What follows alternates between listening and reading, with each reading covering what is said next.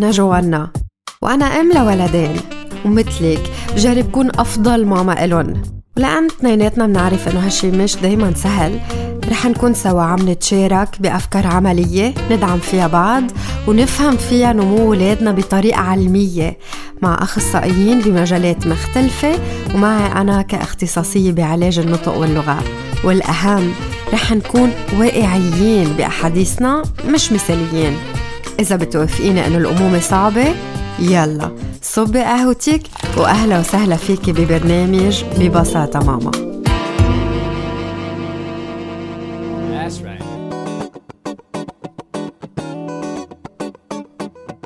مرحبا مستمعينا مبسوطة أكون معكم بالحلقة 36 من ببساطة ماما.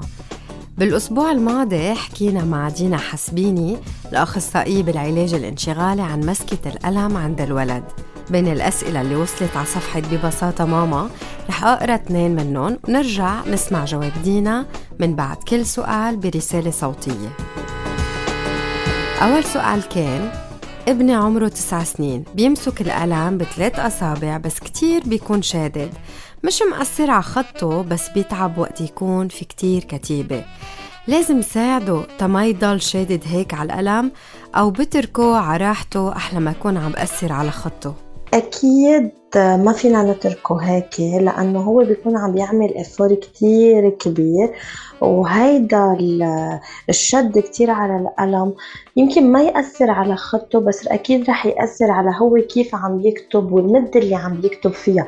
فهو أكيد رح يصير يوقف عدة مرات حتى يرتاح. ممكن يصير يخبرنا أنه هي عم توجعه إيده كتير. آه، ممكن حتى حتى ناخد وقت أكتر من غيره هو. عم بيكتب. آه، فلحتى نقدر نخفف الشد على القلم في مجموعة تمارين بنطلب من الأهل بيقدروا يكونوا عم بيعملوها مع أولادهم. من هيدي التمارين مثلا فينا نطلب من الولد إنه يكتب بطريقة عشوائية كلمات هو وعيونه مغمضة ونخليه هو يحدد قد إيه معقول يكون عم بيشد على القلم وقد إيه لأ. كمان فينا مثلا نخلي الولد يكتب على آه، آه، كرتون على بنحط الورقة يعني على كرتونة أو بنحطها على سجادة أو بنحطها على سلفاس ما تكون كتير ليس وكتير جالسة مثل الطاولة يعني نخليه يكتب على دي سيرفاس شوي متعرجة لحتى كمان هو يكون عم بيعرف كيف بده يسيطر على خطه على الكتابة بلا مثلا ما يبخش الورقة أو بلا ما يخزقها أو هيك. أو حتى فينا نطلب منه يكتب بس على على يعني نلزق الورقة على الحيط ونطلب منه هو واقف يكون عم يكتب مش قدامه يكون عم يكتب. فينا كمان مثلا نستخدم أقلام ال feutre ونطلب منه إنه يكتب بأقلام feutre أو ستيلو وهيك بنخليه يعرف إنه هو ما لازم كتير يشد لأنه إذا شد كتير ممكن يعمل des taches كتير كبيرة على الورقة الثانية أو حتى فينا مثلا نخليه آه، يكتب بإقلام بيعتبروا نسبيا تقال أو فينا نحن نتقل القلم. كمان ليقدر يعرف إنه هو ما بيقدر يشد كتير لازم يخفف شوي بالشد على القلم.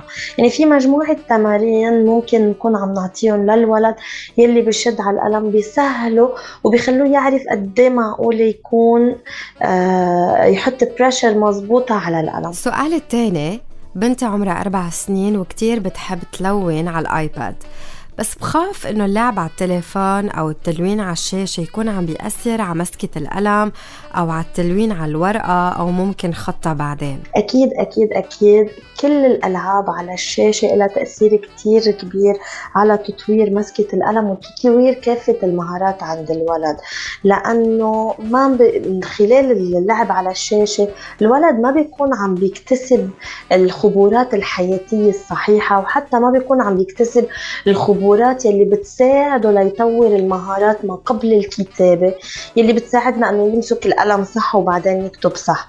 فبالتالي ما بتخلينا نطور المهارات الحسية الحركية والإدراكية الصحيحة لنقدر بعدين نكون عم نكتب ونمسك القلم بالشكل الصح.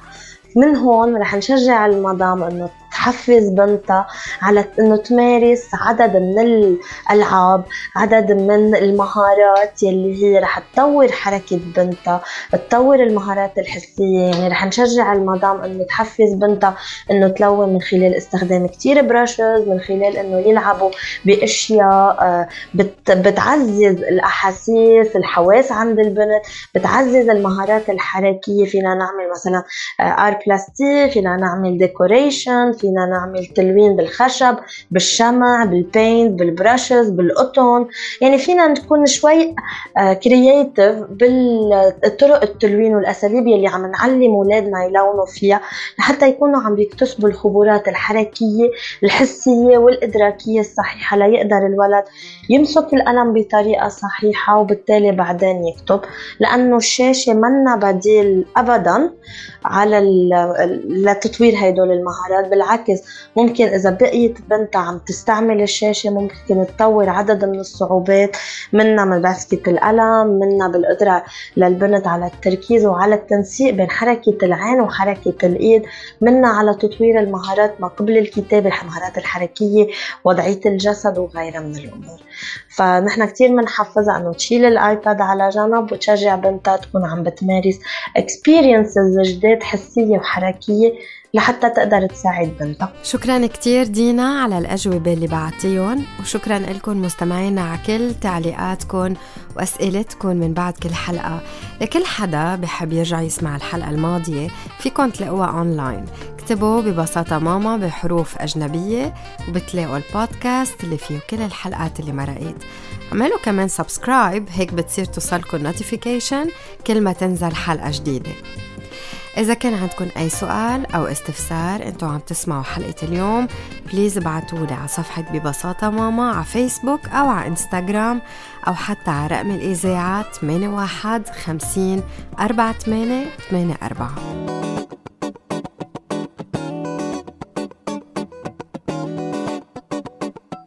واحدة من الأمور المريحة للأهل هي لما يكون ولادهم بحبوا الطبخ. شعور إنه عم يوصل لهم غذاء كافي ومهم لجسمهم كتير بيطمن. هيك بحس كل ما اخد ابني الصغير غدي من الجاردوريه وأسأل المعلمة عن أكله. بتقلي دايما ما تسألي بقى قد ما بحب ياكل يعني بخلص طحنه وبيزيد مرة تانية كمان. وقليل كتير كتير تيقولوا لي اليوم ما أكل. فكرة إنه عم بياكل منيح بتريح على صعيد الصحة لأن نقص الغذاء تأثيره في يكون كتير كبير ومرات بخوف كمان. فقر الدم عند الولد. موضوع حلقتنا لليوم مع صابين خديج أخصائية التغذية بعيادة صحي وسريع.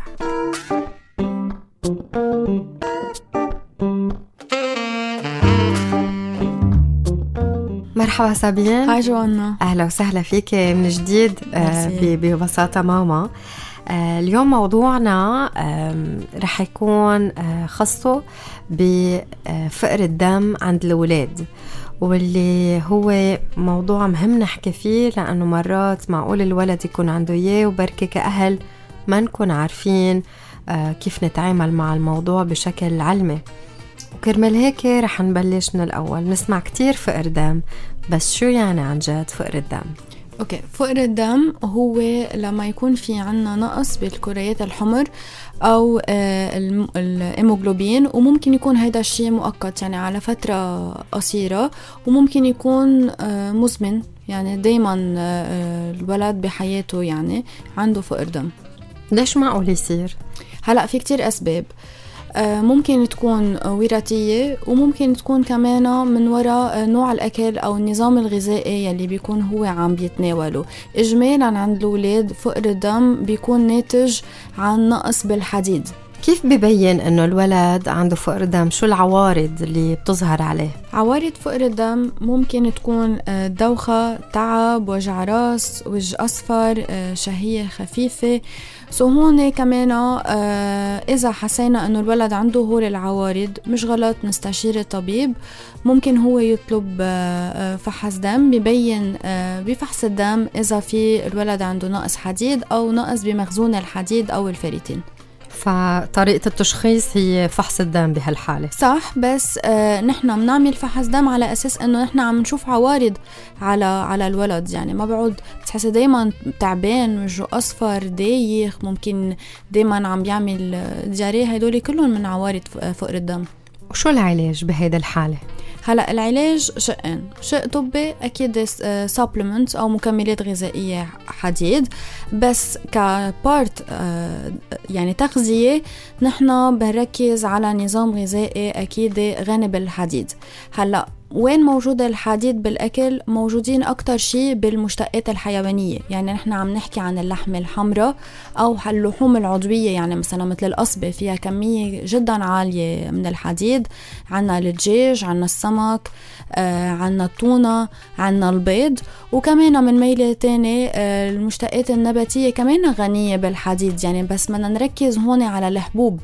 أكتر شي هن غنية بالحديد مثلا مثل الفاصوليا مثل العدس معروفة المجدرة إنه آه، قد منيحة. ولفقر الدم. آه كمان كل شي آه خضرة ورقتها خضرة. ورقتها خضرة غامقة. يعني عم بحكي مثل السبانخ عم بحكي مثل الملوخية مثل الركا آه مثل الكيل. هدول أكيد غنية بالحديد. بس بدنا نفرق شوي هون. أنا حابة أقول شغلة إنه الحديد يلي موجود بالمشتقات الحيوانية يعني مثل اللحوم سريع الامتصاص بالجسم. بينما الحديد يلي موجود بالمشتقات النباتية نحن بحاجة إنه مع الوجبة نكون عم ناخد آه source فيتامين C. يعني مثلا عم ناخد salade آه، في حاطين حامض أو عاصرين حامض آه، كاسوس فيتامين سي على الأكلة حتى نساعد الجسم إنه يمتص الحديد يلي هو جاي من مصدر نباتي هل ممكن الوقاية أو تقليل خطر الإصابة بفقر الدم؟ هلا نحن هيدا الشيء بده يجي من وراء النظام الغذائي يلي نحن بنتبعه مع مع الولد. يعني قدر الإمكان نكون عم نقطع ثلاث مرات آه، مصدر آه، حيوان يعني لحوم دجاج سمك آه، نركز على الطبخ. يعني قد ما فينا مثلا ملوخيه ورز سبانخ عم نعمل مثلا مجدرة دائما يكون في حدا سلاد. هدول يعني هول أنواع الأكل يلي أكتر شي غنية بالحديد وأكيد نتفادى الجنك فود والبطاطا والقصص يلي بيحبها أكتر شي الولد يلي بنعطيها في حال ما أكل بالعكس لازم نركز على المصادر الطعام يلي غني بالحديد بنظام الغذاء الولد إذا ما صار أي تدخل مع ولد عنده فقر دم لوين هذا الشي معقول يودي؟ هلا أول شيء رح يبين دغري نحن شو بنشوف بال performance تبع المدرسة بقلة التركيز بالكسل الدائم. وصحيا إذا كان كتير grave آه، فقر الدم ممكن يكون عم بيؤدي لمشاكل كتير صحية مثل مشاكل بالقلب. مشاكل خطيرة يعني yes. بمحل معين. أكيد.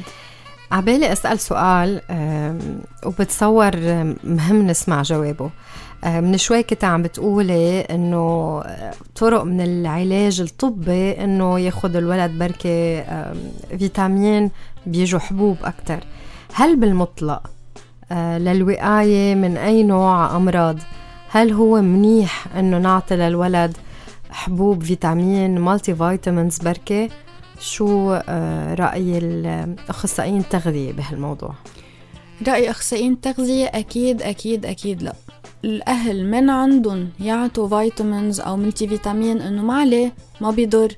ما نحن كمان كل شيء آه، زايد égal الناقص يعني أنا إذا الولد ما بيعاني من ولا نقص لا بالفيتامين ولا بالحديد ليه أنا بدي أعطيه كمية extra يعني هيدا الشيء كمان صحيا ما بيسوى. نعطي بس المكملات الغذائية في حال الحكيم طلبها أو في فحص دم بيثبت إنه الولد عنده نقص بالحديد أو بأي آه، نوع تاني إن كان معادن أو فيتامينات.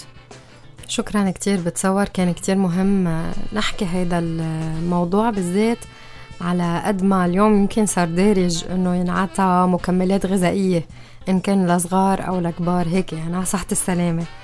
سابين إذا من كل حديثنا بدك تتركي ثلاث أفكار مع المستمعين شو بيكونوا؟ أوكي أول شيء أكيد بدنا نهتم كتير بغذاء الولد ونركز بأكله مثل ما قلنا على الحبوب لأنه آه، مصدر كمان مهم بالحديد على اللحوم اللحمة الدجاج السمك آه، وما ننسى كمان آه، إذا بدنا نخلي الجسم الولد يمتص أكثر الحديد في حال هو ما كتير بحب اللحمه والدجاج ما ننسى source الفيتامين سي أو الحوامض وما نعطي أي حبوب حديد ولا أي multivitamin تاني أو معادن من دون استشارة الطبيب. شكرا كتير لك سابين على حلقة اليوم وهلأ رح نكفي مع باقي فقرات الحلقة.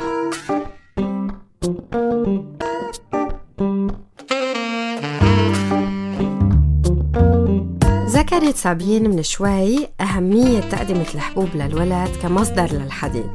تعالوا نسمع بفقرة نشاط هالأسبوع كيف فينا نستخدم الحبوب بنشاطات مختلفة مفيدة وممتعة للولد غير إنه ياكلون أول شي لعبة فرز الحبوب المخلوطة. جيبي علبة بيض فاضية أو صينية ال cupcakes. وبجاط على جنب اخلطي كذا أنواع حبوب مثل الفاصوليا، الفول، الحمص، العدس.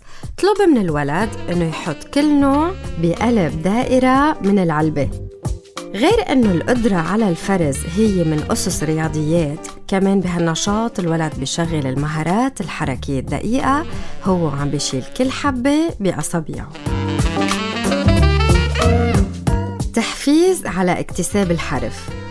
ليكتسب الولد الحرف هو بحاجة لأنواع مختلفة من التحفيزات البصرية السمعية أو حتى كمان باللمس. كرمال هيك بالحبوب فيكن تكتبوا حرف جديد عم يتعلموا أو كلمة صغيرة وتلزقوها على الورقة. وإذا أسهل للولد خليه يكتب الحرف ويرجع يلزق الحبوب على الخط. حبة ورا حبة. ممكن كمان تحط العدس بصينية مثلا وتخلي الولد يكتب الحرف بإصبعه على العدس. غير إنه هيدي الألعاب هي حسية للولد كمان بيستمتع فيها وبتكون أداة مهمة لاكتساب الحروف والأرقام. تنمية مخزون الكلام.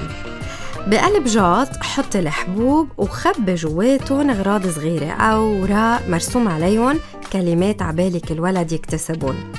فيك تجيبي أشكال أو حيوانات أو فواكه بلاستيك وكل ما ينبش الولد ويشيل شي لقاه خليه يسميه. وإذا كان عنده صعوبة قولي له أول صوت أو مقطع من الكلمة تهو يكفي باقي الكلمة مثل ماو لكلمة موزة. فيكي كمان تكوني راسمة على ورقة الغراض اللي مخبيتيهم وهيك كل ما يلاقي غرض بيشخطوا على الورقة. تنمية المخيلة. حطي بعلبة حبوب واعطي الولد كبايات بأحجام مختلفة ملاقي على الغرف. في كمان يجيب ألعاب مثل كاميون صغير أو سيارة أو حتى حيوانات. هو عم يلعب خليه ينقي كيف بده يلعب وبأي طريقة بده يحرك الأغراض اللي معه إياها. اتركيه يشغل مخيلته. هالنوع من اللعب بيساعده ينمي مهاراته الحركية الدقيقة. هو عم بيسكب ويغرف ويشتغل بالحبوب. كمان بينمي عنده التنسيق بين الإيد والعين. وفي يشوف كل كوب قديش بيساعد وفي يشوف الخط اللي بتتركه السيارة مثلا وراها بس تمشي. يعني الفعل ونتيجته. آلات موسيقية. أعطي الولد مرتبنين أو أكتر تيعبي فيهم حبوب مختلفة. في حط مثلا عدس بواحد وحمص بالتاني. وبعدين خليه يميز الأصوات اللي بتطلعها هالمراطبين بس تنهز. يعني أي مرتبين بيعطي صوت أقوى أي صوته خفيف. في كمان يغمض عيونه وجرب يتحذر أي مرتبين أنت خضيتي. وممكن هو ياخد مرتبين وأنت تاخد التاني وكل حدا يعمل إيقاع صغير والتاني لازم يقلده. حاولي قللي الضربات إذا كان عنده صعوبة إنه يقلدك أو بالعكس زيديهم وغيري السرعة تتصعب المهمة. وبالآخر حطي موسيقى واسمحي له ببساطة يدق وينبسط. وإنت كمان شاركي معه تتزيدي من متعة هيدا النشاط.